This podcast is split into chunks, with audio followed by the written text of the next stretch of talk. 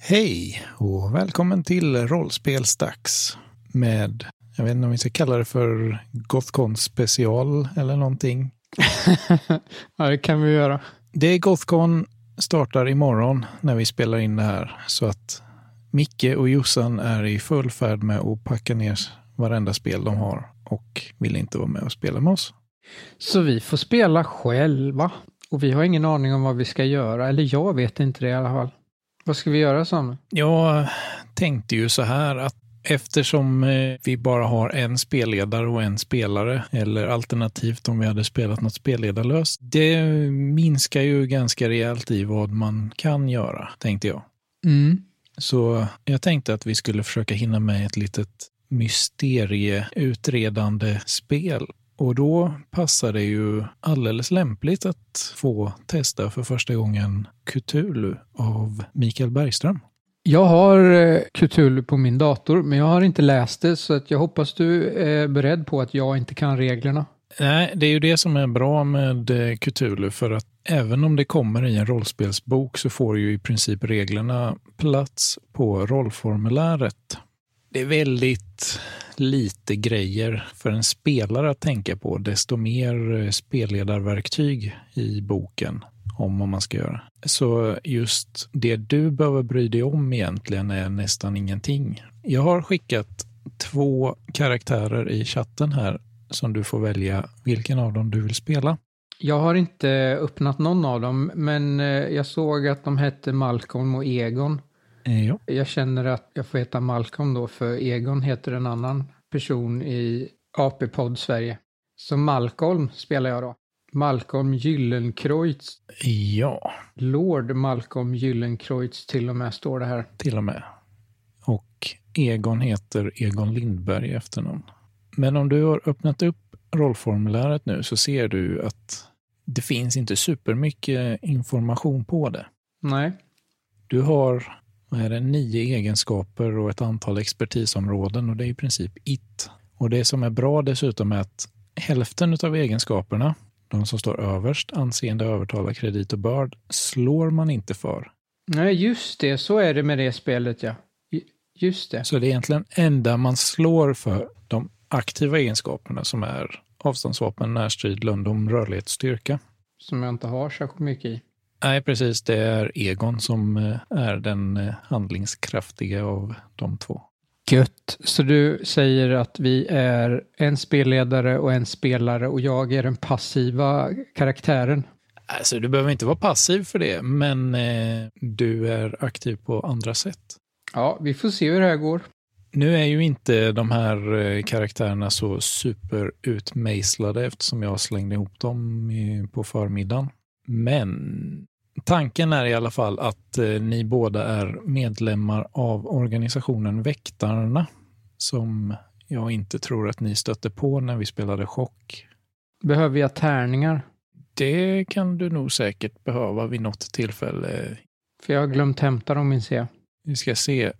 Aktiva egenskaper användning rullar så många T6 som värdet anger. Och du har värde i vad då av de aktiva? Alltså jag har ett i lönndom på alla mina egenskaper.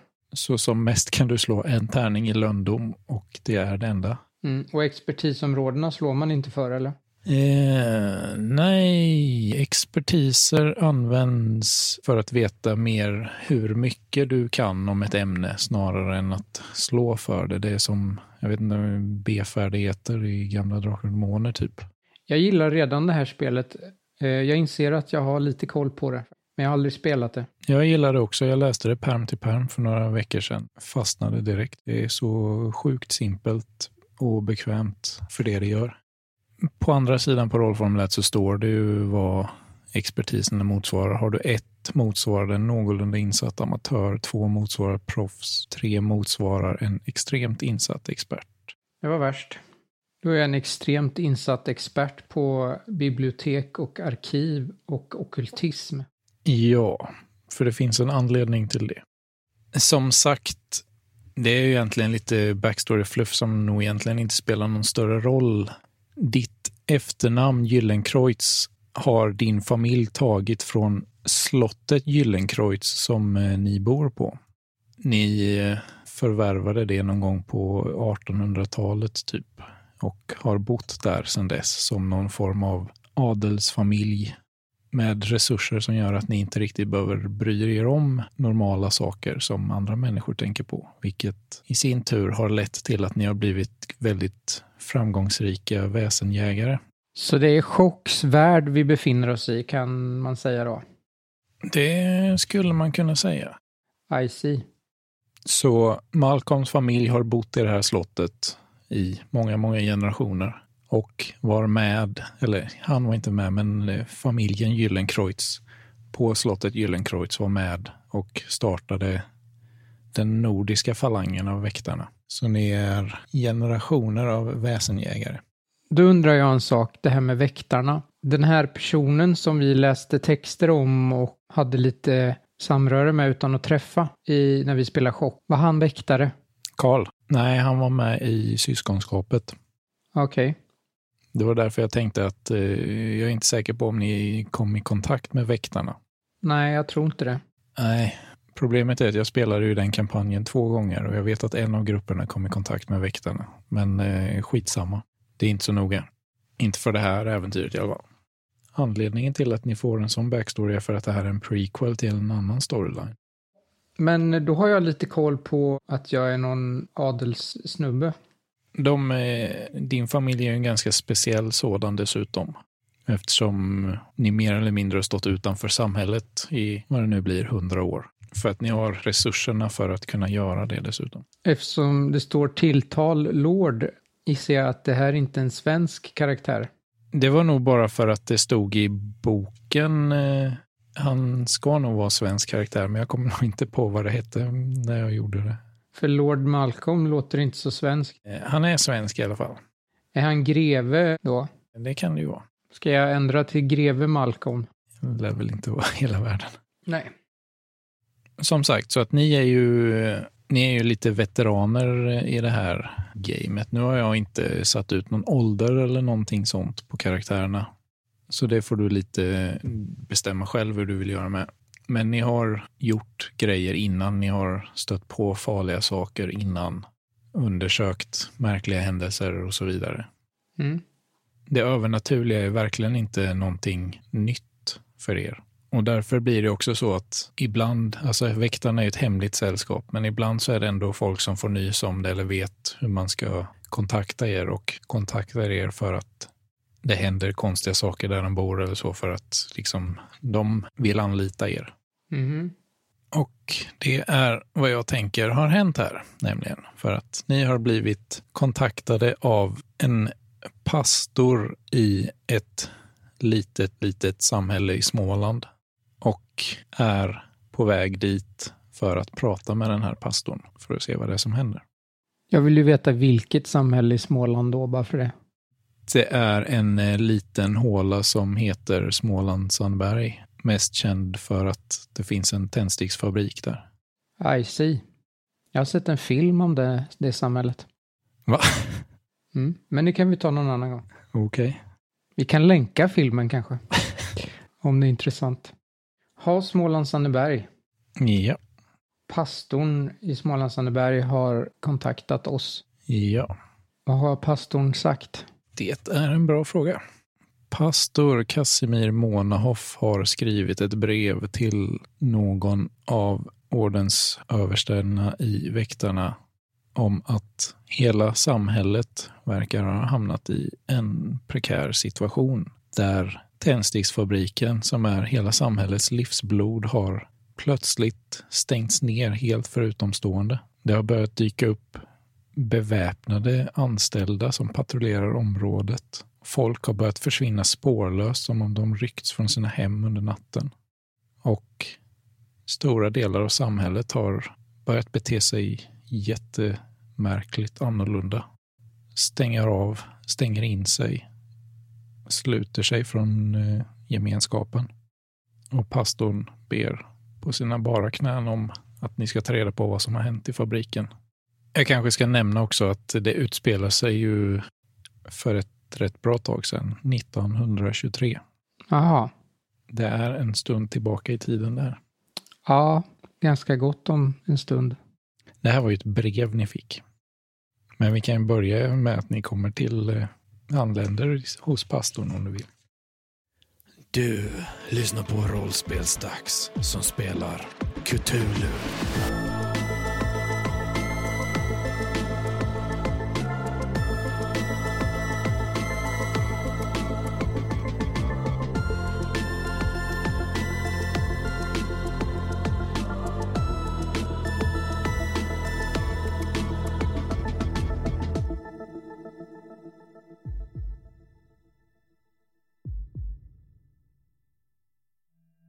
Ni har ju som sagt var begett er, du och Egon. Ni tar tåget genom Sverige för att slutligen hamna på stationen i Anneberg. Det är ett litet samhälle, ett par hundra byggnader, befolkning på knappt tusen personer. Men ni har ju kollat upp innan lite vad som finns här för att hålla koll. Så ni vet om det är ändå ett stort nog samhälle för att husera en skola och det finns en eh, idrottsplats, en mataffär. Det finns också en vapenaffär om outgrundlig anledning på orten. Och att samhället eh, hamnade i lokaltidningen ganska nyligen för att de håller på med en, en större byggnation i utkanten av eh, bygden för en folkpark som ganska snart ska invigas och öppnas. Ni har fått reda på att Anneberg får leveranser och resurser till sina företag och anläggningar som finns på orten via tåget, smalspåret, en tåglinje som går mellan Anneberg och Ormaryd, ett ännu mindre samhälle en bit bort. Och redan när ni anländer, det är sen vår, så det är ganska varmt och skönt ute. Det var det när ni åkte ifrån Uppsala, där slottet Gyllenkreutz ligger, men när ni kommer fram och går ut ur tåget så det är som ett annorlunda lyster ligger över det här samhället. Som om färgerna ni ser känns starkare. Men ni har fått en adress och beger er tillsammans mot pastorsexpeditionen. Ett ganska stort, brunt, tråkigt hus i mitten av samhället. Och när ni knackar på dörren så svarar en äldre herre som bjuder in er att slå er ner i hans kontor. Vi slår oss ner. Ja. Eller jag i alla fall. Ja, det gör Egon också. Så berätta min herre. Vad är det som händer här? Ja, som jag nämnde så eh, vi vet inte vad som har hänt. Eh, Fabriken har stängt. Vi har inte sett till fabriksägaren på flera veckor nu och misstänker att någon form av kriminell organisation kanske har nästlat sig in där och Gud bevara sig vad de kan ta sig till. De kanske håller folk fångna där inne. Vi vet inte.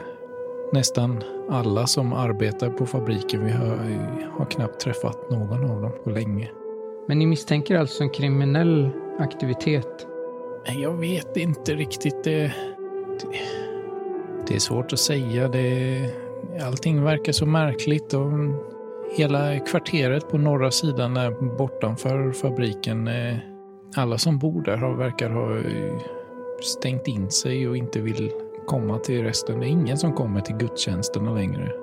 Och så var det ju det här med att folk försvinner på nätterna. Det är, ja, det är nog sju, åtta personer nu som saknas och ingen vet var de har tagit vägen. Finns det några teorier? Ja, det verkar...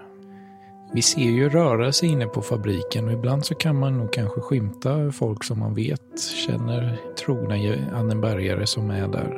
Kollektiv galenskap, kanske? Menar pastorn alltså att alla personer som jobbar där är kvar där och går inte därifrån? Nej, inte alla, men många. Eh, men som sagt, det, vi har ju sett hur det dykt upp folk med vapen där och en del av arbetarna har inte fått komma in på fabriksområdet igen. De blir liksom inte insläppta längre. Men det är fortfarande många av de som jobbar där som borde finnas kvar där som vi inte ser till längre. Vi har ju inte kunnat undersöka inne på fabriksområdet någonting för vi får inte komma in där så vi vet ju inte vilka som är kvar, vilka som är där inne och vad som händer där inne. Vem hindrar er att gå dit och komma in? Ja, till att börja med så är det ju ett stort stängsel runt hela fabriken så att det går inte att... Vi kan ju inte lika gärna göra inbrott in på området och sen som sagt så är det ju folk som patrullerar det området med vapen så vi vågar inte, vi vågar inte gå för nära. Vem vet vad de kan ta sig till? Jag förstår. Det är ju någonting som är konstigt som är i görningen i alla fall. Jag vet inte, det kanske är fabriksägaren som har blivit galen och jag vet inte, håller folk gisslan där inne. Vem är fabriksägaren? Han... Kreuger heter han.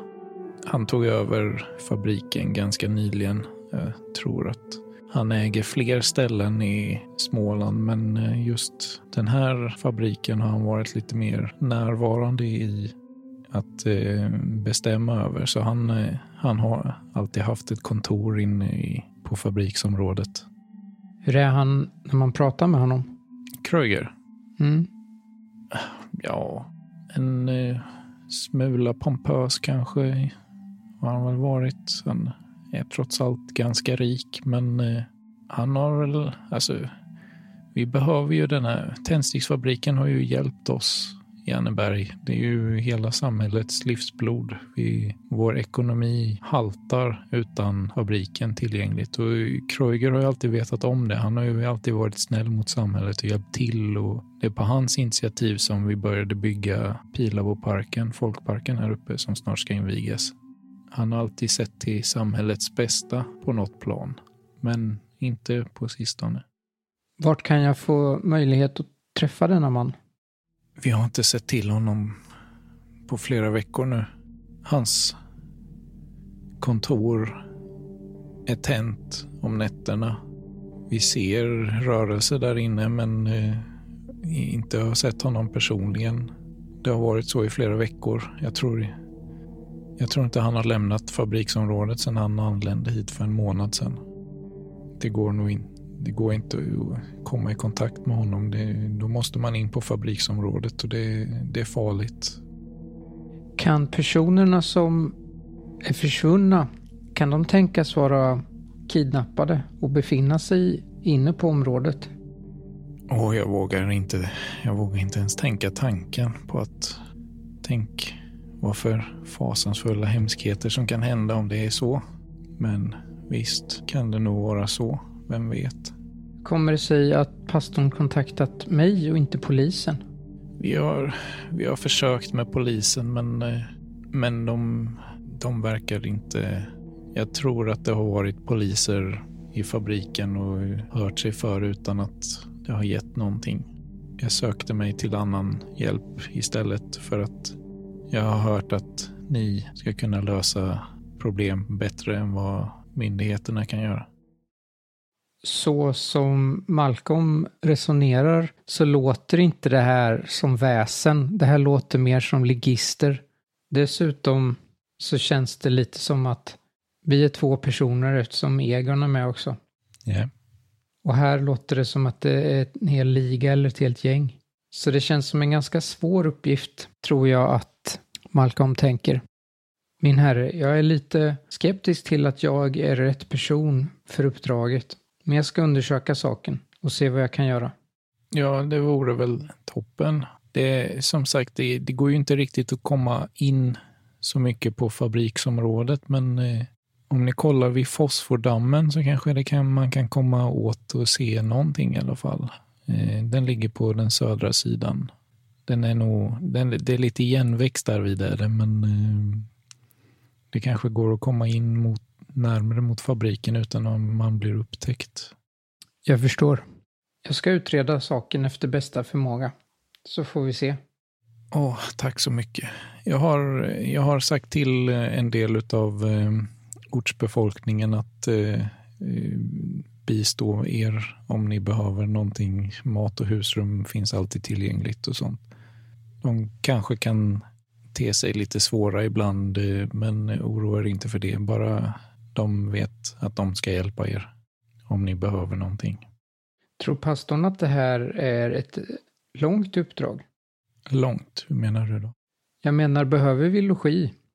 Ja, förhoppningsvis inte, men eh, eh, jag hade ju gärna sett att eh, fabriken var öppen och tillgänglig igen så snart som möjligt. Vi har snart invigningen av Pilaboparken och det är ingenting får gå snett med, med det. Eh, och det börjar redan bli problem för att vi får inte de resurserna vi behöver så länge fabriken inte finns tillgänglig.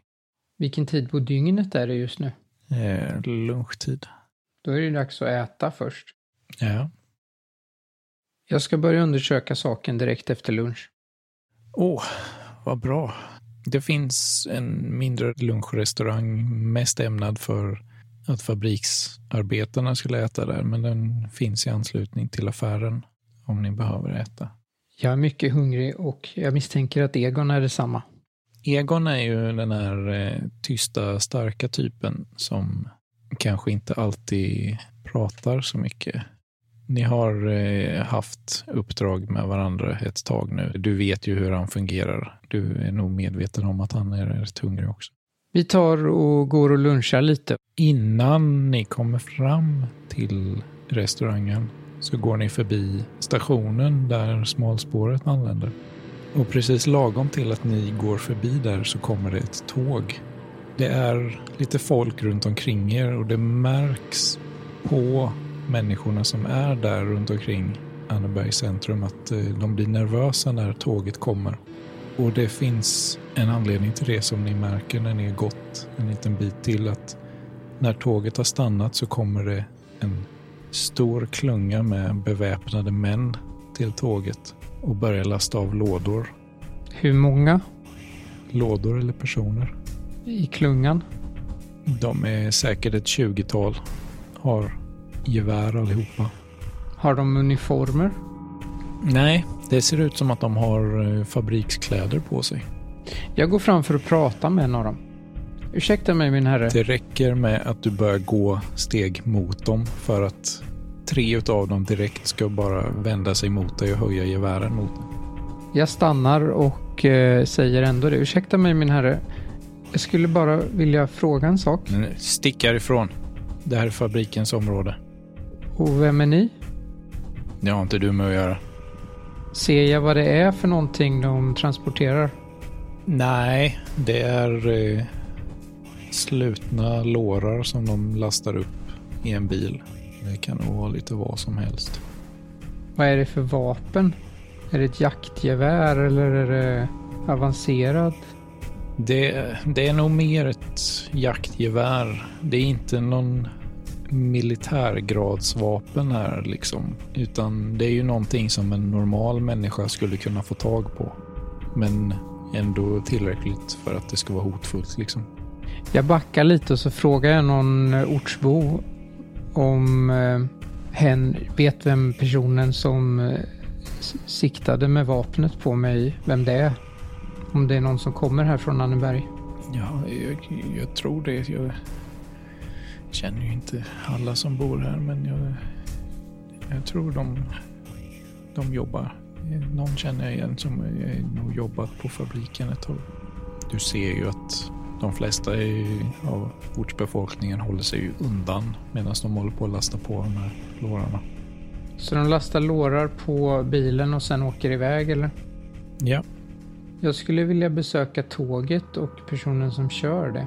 De lastar dock inte på alla lårar. Så när bilen väl har kört därifrån och du ser hur de kör in på fabriksområdet, det är inte så långt bort till fabriken. Och först då så börjar ortsbefolkningen, det kommer ner från affären som ligger i närheten här också, folk som börjar lasta av det som är kvar. Hur, hur många personal är det på tåget? Det är en bra fråga. Hur många personal behöver man för att driva ett tåg? Det står en gubbe inne på tåget i alla fall som verkar ansvara för det. Min herre, du är ansvarig för det här tåget? Ja, det stämmer.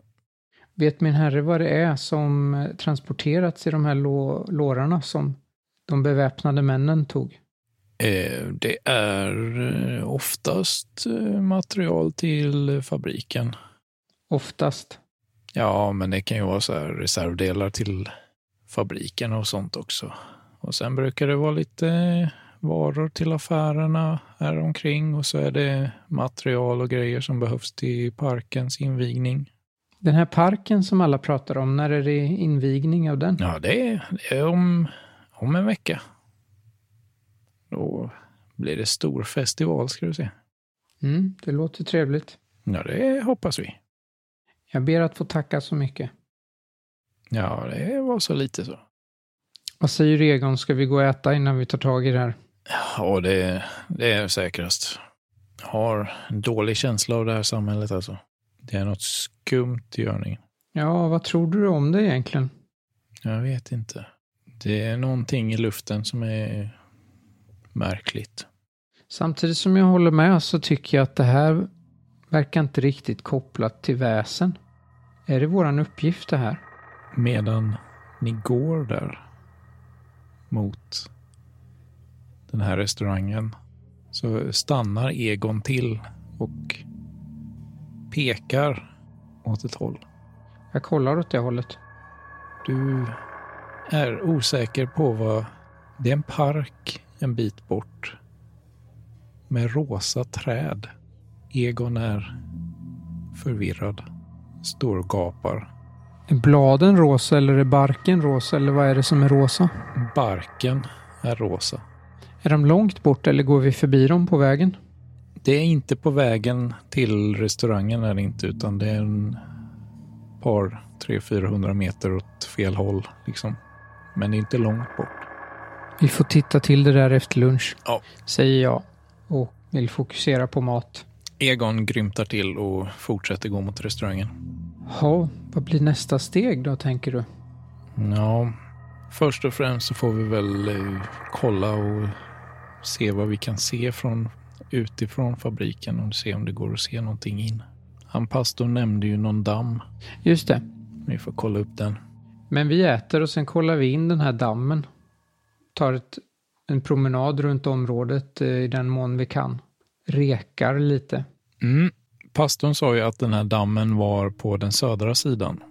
Och när ni går mot fabriksområdet så är det ganska tydligt vart den är någonstans. Eh, det går en å genom samhället typ som mynnar in i den här dammen som sen går in genom fabriksområdet. Fabriken vet ni när ni gjort research har använt vattenflödet där för att husera en kvarn till fabriken. På andra sidan vägen om fabriksområdet är den här parken med de rosa träden. Ser vi något spännande? Vad vill ni kolla vid först? In i fabriksområdet, in i dammen eller parken? Parken var väl åt fel håll? Nej, inte nu när ni går åt det hållet för att eh, där dammen ligger och där fabriken ligger är åt ungefär samma håll som parken så att de ligger på varsin sida om vägen. Mm. Men vi tar parken först. Mm. Den verkar spännande. Det sticker lite i ögonen när ni går här för att det är så skarpt ljus. Ni kommer fram till parken och konstaterar ganska snabbt att alla träd i hela parken är målade rosa. Finns det någon person i närheten? Det går lite folk lite här och var försiktigt. De håller sig på behörigt avstånd från fabriken och eh, den här parken ligger ju så pass nära fabriken så att eh, det är inte jättemånga människor där. Lite längre bort. Den här parken ligger ju dessutom bredvid den här ån som går genom samhället. Och längre bort från parken är det skog. Men någon enstaka människa brukar väl alltid vara inne i parken och gå runt. Jag går fram till närmsta person och frågar om varför den är målad rosa. Ja, ja, ligisterna, Annebergs ungdomsgäng, springer runt och gör massa rackartyg hela tiden. Berätta, vad är det för ungdomsgäng?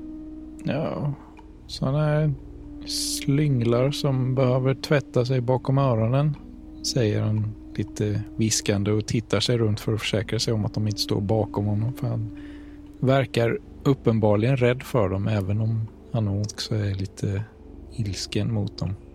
Är det de beväpnade männen från fabriken du syftar på? Nej, nej. Alltså det är ju De är tonåringar. De drar runt, gör inget vettigt. Skolkar säkert från skolan också. Så gör de sådana här rackartyg som att måla träden rosa. Taskiga mot folk är de. Du vet, som ungdomar brukar vara. Jag förstår. Kom Egon, Mm. säger jag och drar med mig Egon därifrån. Ja, vi går. Fabriken är ju för övrigt jättestor. Mm. Vi går till den och kikar lite hur det ser ut och om vi ser någonting. Ta ett varv runt den. Det är ju säkert så att kanske en tredje eller en fjärdedel av hela samhället är bara den här fabriken och det här fabriksområdet. Det är inte, alltså det är flera byggnader varav en är jättestor. Runt hela fabriksområdet går det ett högt stängsel. Från vägen. De flesta fönstren ni ser i byggnaden som är bredvid vägen verkar vara igentäckta så man inte ska se vad som för sig går på insidan. Ni ser rörelser där inne och det hörs ljud från fabriken. Ljud av maskiner som jobbar. Men det är oklart med vad. Och en liten bit bort från där ni står så ser ni utloppet från ån som mynnar ut i den här dammen som verkar ligga inne på fabriksområdets sida. Det ligger innanför stängslet men eh, den ligger på ett sånt sätt så att eh, det är som ett litet vattenfall som ån rinner ut i, i den här dammen där det inte är något stängsel. Så det går att ta sig igenom där med andra ord. Antagligen, men som sagt det är ett litet vattenfall där så det kommer antagligen vara halt och man får klättra lite för det är en liten bit ner. Och det är ganska mycket buskage och grejer, träd som sticker upp här. Smutsa ner mig är väl under min värdighet så det är ju Egon som får ta och göra det. Ja. Buskaget växer för övrigt så tätt därvid att eh, det är svårt att se igenom. Det går att skymta lite saker. Men eh, det är svårt att se detaljer in genom det för då måste man forcera en del. Går det gå genom buskaget? Med vilja gör det ju det, givetvis. Men eh, den behöver forceras som sagt. Så eh, det kommer vara ganska tydligt att man gör det. Mm. Nej, det skiter vi. Det är någon form av stank som slår er härifrån också. Antagligen utsläpp från fabriken. Ja, att det skulle vara giftigt var väl ingenting man tänkte på på 20-talet eller 23 sa du att det var. Ja, Så det är väl vad det är.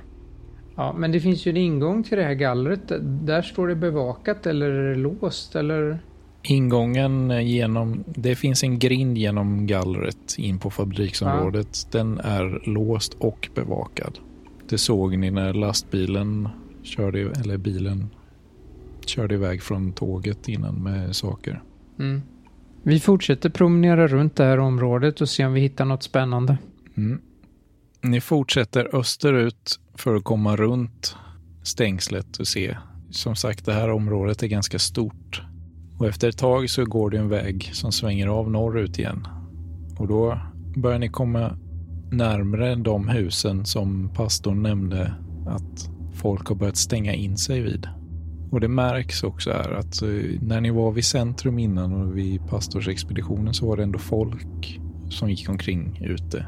Det är ändå fint väder och så. Men här ser ni inte en människa. Fabriksområdet ser ut att sträcka sig långt framåt. Det finns hus här längs med vägen. Men ni ser ingen som helst rörelse vid något av husen. Ser jag rörelse eller ser jag någon person i husen? Nej. Osäkert om det är någon som bor här överhuvudtaget eller inte. Jag går och knackar på. Du hör rörelse inifrån. Ser hur en gardin dras lite åt sidan. Och sen händer ingenting. Vad oförskämt. Jag knackar på igen. Ingenting händer. Jag knackar på mer bestämt och säger hallå? Jag såg att någon var hemma. Du får inget svar. Har vi inackorderats någonstans nu? Nej, men eh, ni har eh, möjlighet att göra det hos folk. Men ni har inte pratat med någon direkt om det än. Ja, Jag vill gå och knacka på ett hus till bara för att se om det går att hitta någon i den här delen av samhället. Du får inget svar alls, ingen reaktion, ingen rörelse syns, ingenting hörs. Från inget av husen i den här delen av samhället. Går du att knacka på alla hus? Ja, tills jag hittar någon som öppnar. Ja, nej, då får du inget svar. Vad otrevliga de var i det här samhället, tänker jag. Egon undrar om, ska, om vi ska bryta oss in i något av husen. Det är ju olagligt och det känns väl inte som en metod som vi brukar använda. Brukar och brukar, men Inte hos vanligt folk, tänker jag. Egon säger det är någonting som är skumt på gång. Kanske, vi kanske ska återvända under natten och se. Ja, det verkar inte bättre. Och frågan är vad vi kan göra. Men eh, vi, eh, vi lämnar det här eh, rekognoseringsuppdraget, går tillbaks till eh, prästen och frågar vem det är vi ska sova hos. Han ger er en adress då till ett hus i den södra sidan. Då går vi dit, knackar på. Det ligger på andra sidan skolan gör det. Ni går dit. Mm. När ni går förbi skolan så pekar Egon upp mot den. Ska vi undersöka det där ungdomsgänget något eller? De kanske vet mer. Fråga skadar ju inte. Ser vi dem någonstans? Det är ju aktivitet på skolan är det ju, men eh, den är ju inomhus. Ni ser genom fönstren att det finns barn som sitter och har lektion liksom. Ska vi gå dit och kolla nu eller ska vi gå till adressen först? Adressen. Mm. De går i skolan fortfarande. Då går ni dit och kommer fram till ett ganska oansenligt rött tegelhus. Vi knackar på. En eh, man i medelåldern öppnar försiktigt dörren. Ja, vad gäller saken? God dag min herre. God dag. Mitt namn är Malcolm Gyllenkreutz. Pastor Mona har, skickat mig. Det ska tydligen vara här jag eh, logeras ikväll. Jaha, okej. Ja, ja, men det går ju bra. Gösta, säger han och sträcker fram handen. Jag skakar den. Jag ska visa er till gästrummet. Tack så mycket min herre.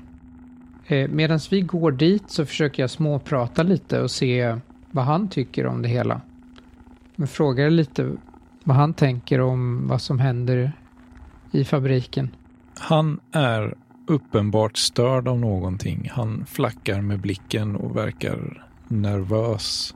Men eh, du får nog inget direkt intryck av vad eller varför eller så. Det, han verkar orolig över vad som har hänt på fabriken. Han har själv jobbat där, men vågar inte längre gå tillbaka dit för att det är folk med vapen där. Jag frågar om det är gamla arbetskamrater som har vapen. Om man känner igen de personerna som, som stoppar oss, stoppade oss och så vidare. Jo, ja, det... Nu ser jag ju på dem. De, är, det är ju, for- de har ju fortfarande på sig arbetskläderna. Det, men det är inte alla. Jag tror... Jag vet inte exakt. Jag jobbade bara på en liten avdelning, men det är ju säkert 500 från orten som jobbade på fabriken. Och alla är ju inte kvar där inne nu. Vet inte hur många det kan vara. 100-200 personer kanske det är som saknas som kan vara kvar inne i fabriken. När var du där senast? Kan det ha varit tre veckor sedan kanske? Det var när det började. Det började, det började gradvis och sen helt plötsligt så kändes det inte säkert att vara där längre. Vill du berätta om förloppet? Vad var det som hände? Var, hur började det? Det, jag vet inte riktigt vad det var. Det var någon månad sedan. Det, folk slutade prata i fikarummet. Blev slutna.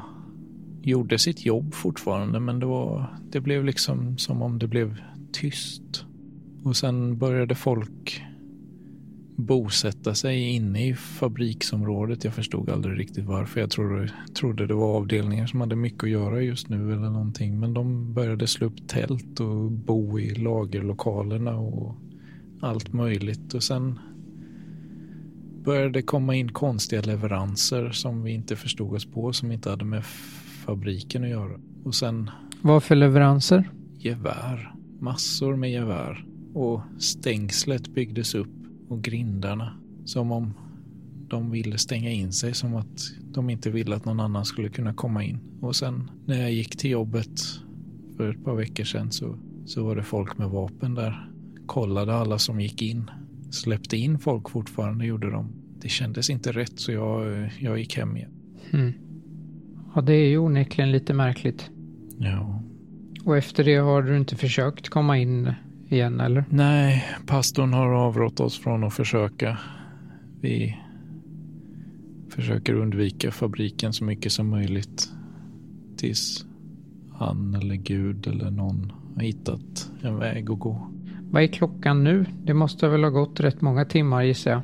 Ja, eh, vandringen runt eh, fabriksområdet tog ju sin goa stund, eh, det är sant. Så det börjar väl bli sen eftermiddag nu. Var det Gösta han hette? Ja. Gösta Blomqvist presenterar han sig som, till och med. Säg mig, herr Blomqvist. Pastor Monhoff sa att polisen varit här, men inte tyckte det var märkligt. Ja, Vet du någonting om vad som hände där? han flackar med blicken igen och... Nej, jag vet inte. Jag har inte gått nära fabriken. Men det är möjligt att polisen har varit där och kollat. Har du kvar dina gamla arbetskläder? Ja, självklart. Har du mer än ett par?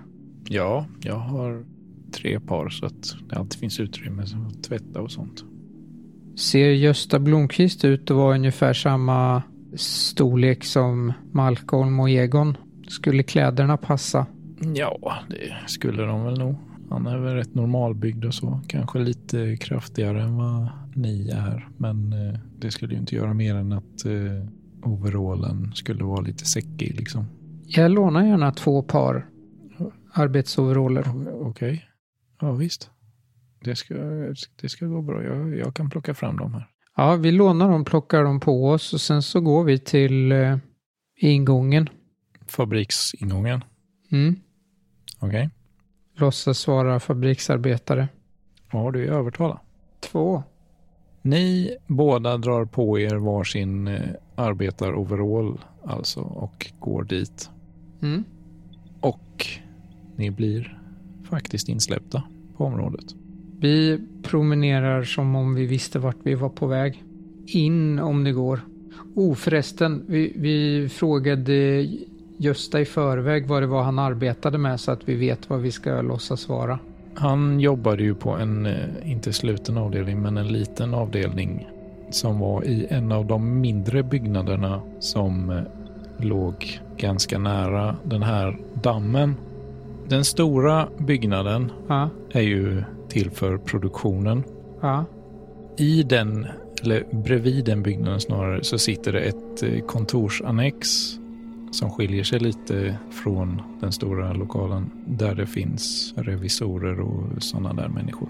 Sen på området finns det också en hyfsat stor lagerlokal för lagerföring av eh, material för produktion och färdig produkt.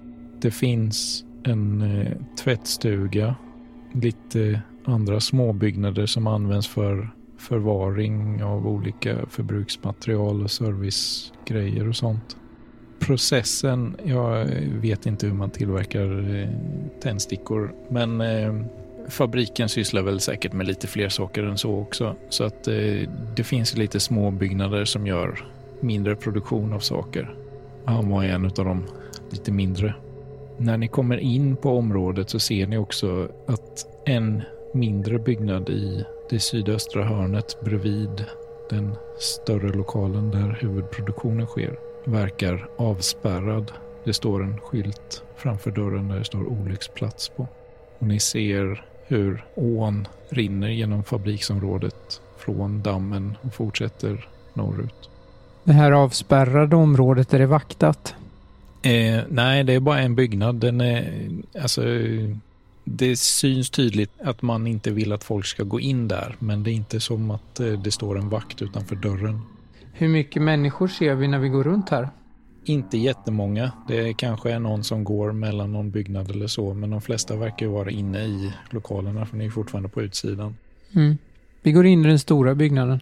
Ni ser lite vakter som kan tänkas patrullera på området med vapen, men eh, de verkar mest ha blickarna vända utåt mot staketet och inte bryr sig så mycket om vad som händer inne på området. Och när vi pratar vakter så menar vi beväpnade tändsticksfabriksarbetare. Rimligtvis, ja. Mm. Skulle ni gå till den avspärrade byggnaden? Så? Nej, den stora. Den stora byggnaden. Från den här sidan så är det ju också fönster in i byggnaden. De är inte täckta som de var på andra sidan vid vägen. Så härifrån ser man in i lokalen. Vad ser vi för någonting? Stora maskiner som arbetar, människor som går fram och tillbaka och jobbar. Produktionen verkar vara i full gång här inne. Jag vill ändå gå in och kolla hur det ser ut. Ni hör också ett brus som skiljer sig av i ljudbilden. Det låter inte som maskinerna som arbetar utan det är svårt att placera men det är som något statiskt ljud hörs konstant. Typ en ton eller? Inte som en ton, snarare som Myrornas krig fast i ljudform. Mm. Typ vitt brus. Ja, men typ så. Och anledningen till att ni hör det nu är för att volymen på det verkar ha höjts. För att nu när ni hör det så reflekterar ni över att ni har hört det här bruset sen ni kom hit. Men inte tänkt på det för att det har varit lågt innan, eller lägre i alla fall. Mm. Men ni, ni går in. Mm. Det verkar inte som att någon reflekterar över er närvaro på ett sätt som att de misstänker att ni inte ska vara där. Det är ingen som hälsar på er, det är ingen som pratar med er, det är ingen som liksom ger er uppmärksamhet eller någonting, utan alla fortsätter att arbeta på. Vi går runt hela, hela byggnaden för att se om det för sig går någonting konstigt, men vi låtsas hela tiden som att vi är på väg någonstans och eh, pratar inte med någon, söker ingen kontakt heller så att ingen misstänker någonting. Ehm, ja, Finns det vakter här inne också eller är det bara en vanlig fabrik som bara gör tändstickor? det står vapen lutade längs med väggar på vissa ställen. Som att någon har varit vakt och sen ställt ifrån sig sitt gevär. Men det är ingen som går omkring med vapen inne i den stora byggnaden. Okej. Ja, så folk eh, är duktiga proletärer och arbetar här då och ingenting annat. Inte i den stora byggnaden som du ser. Men vi går till den här avspärrade byggnaden då och försöker gå in i den när vi ser att ingen ser på. Vi smyger in i den. Ni börjar gå när ni känner att det finns en lucka mot den här byggnaden. Och det verkar som att eh, ni har några sekunder på er då det är fritt fram. Ingen i närheten. Men när ni känner på dörrhandtaget så är dörren låst. Såklart. Är det några fönster på den? Det är det. Vi kikar in. Men fönstren är från insidan täckta med någon form av, jag skulle inte säga är det gardin, för det är det inte. Det är snarare någonting som någon har, något plastigt som någon har satt upp hastigt för att täcka fönstren. Skulle folk märka om vi krossade ett fönster? Antagligen för att eh, det är nog svårt att göra det utan att det hörs. Och det är ändå tillräckligt med folk här ute för att någon enstaka person skulle höra det. Såg vi några verktyg, typ en kofot eller något sånt där på vägen? Inne i den stora lokalen lär det ju rimligtvis ha legat lite verktyg lite här och var. Jag tänker att det kanske finns något verktyg som man kan ta och forcera dörren med. Sen har ju också Gösta har ju nämnt att det fanns en byggnad där det fanns sådana grejer. Nämnde han vart det finns nycklar? Ja, visst. Det finns en eh, fabriksföreståndare som har nycklar. En, han har en stor nyckelknippa. Men eh, han nämnde också att de flesta dörrarna brukar sällan vara låsta för att de behövs besökas under arbetstid. Många gånger. Så att det är sällan som dörrar brukar vara låsta. Men är de låsta så är det sannolikt fabriksföreståndaren som har låst den. Vad fanns det mer för byggnader? kontorsannexet som satt ihop med den stora byggnaden. Det har ni inte varit i för övrigt för att det är avskilt från den stora byggnaden. Ni har bara kollat den stora byggnaden. Sen fanns det en lagerlokal en bit bort. Hyfsat stor. Den har vi inte heller varit i va? Eh, nej. Den vill jag ju gå till. En tvättstuga. Diverse Vi går till lagerlokalen. ja, Och så finns det ju lite mindre byggnader som används för förbrukningsmaterial, servicematerial och lite sånt där. En av byggnaderna finns det ju verktyg och sånt i som behövs för att reparera maskiner. Är den på vägen till lagerlokalen eller är det tvärtom? Eh, nej, den är på östra sidan om den stora byggnaden. Eh, precis bredvid eh, dammen. Vi börjar med lagerlokalen och sen går vi till verktygsboden. När ni börjar gå mot lagerlokalen så börjar ni lägga märke till att det står tält uppställda här vid. Mm. Ganska många sådana också. Kanske ett 20-30-tal står uppställda lite här och var där det får plats. Inte i vägen för saker, men eh, det finns ju lite gräsplättar och så bredvid byggnader och sånt. Där de. Och då pratar vi tvåmannatält eller pratar vi militärtält? Nej, små, Små tält. enstaka. Ja, precis. Det är en camping här. Ja, men typ. Okej. Ser vi folk ligga i tälten? Eh, nej, det gör ni inte. Men ni ser att de används. Mm. Och ni går bort till den stora byggnaden som är lagerlokal. Mm.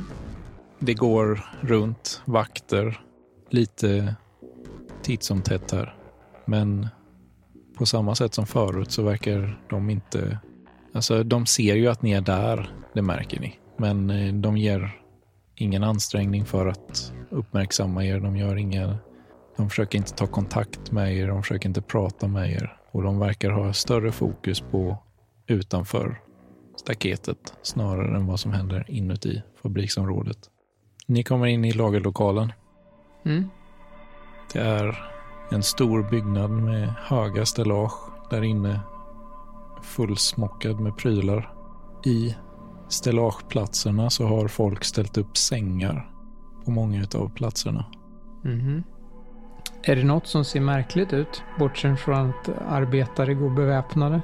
Alltså att det står sängar i en lagerlokal är väl inte så normalt det heller, men eh, ni ser inget märkligt märkligt här inne. Ingenting som legitimerar att vi är på uppdrag. Nej.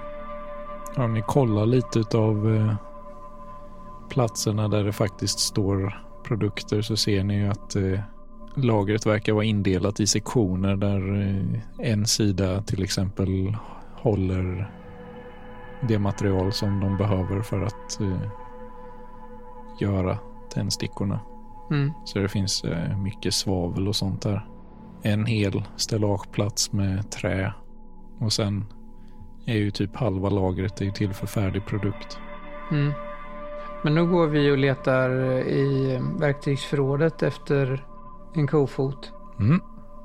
Ni går tillbaka till byggnaden som ligger bredvid den stora byggnaden och dammen. Klockan har börjat bli ganska mycket nu. Solen är på väg ner. Det är inte mörkt än. Hur beter sig alla personer nu när det inte är arbetstid längre? Mm, Fabriken är fortfarande igång. Mm. Producerar fortfarande. Människor är fortfarande där inne och arbetar. Så de beter sig inte annorlunda på något sätt överhuvudtaget? Det är inte så här att de är mer på alerten eller någonting? Nej, de verkar ha långa arbetspass just nu. Mm. Och vi ser inte någon äta eller ta en matpaus under den här tiden vi går runt här. Nej, det har ni inte sett. Vi går och försöker öppna dörren. Ni öppnar dörren in till verktygsbyggnaden. Ja, vi går och hämtar en kofod. När ni öppnar dörren till verktygsbyggnaden slår emot er allt ni ser är färg. Färger, kaskader, regnbågar. Det är ljust, starkt ljust, skarpa färger. Den är bländande, blindande. Det är mörker. Ni ser ingenting. Stirrar in i ett oändligt tomrum av färg. Färg som söker er. Färg som skriker efter er. Försöker fånga er. Färgen är öronbedövande och ni ser ingenting. Ni uppfattar ingenting. Ni finns inte, ni syns inte. Allt ni ser är färg. Du har lyssnat på Rollspelsdags som har spelat Mikael Bergströms Cthulhu och äventyret Svavel och stjärnor ur pamflettsamlingen Aldrig mera frid till Call of Cthulhu Sverige. Glöm inte håll hålla koll på oss på Instagram, Facebook och Discord. Rollspelsdags heter vi. Överallt.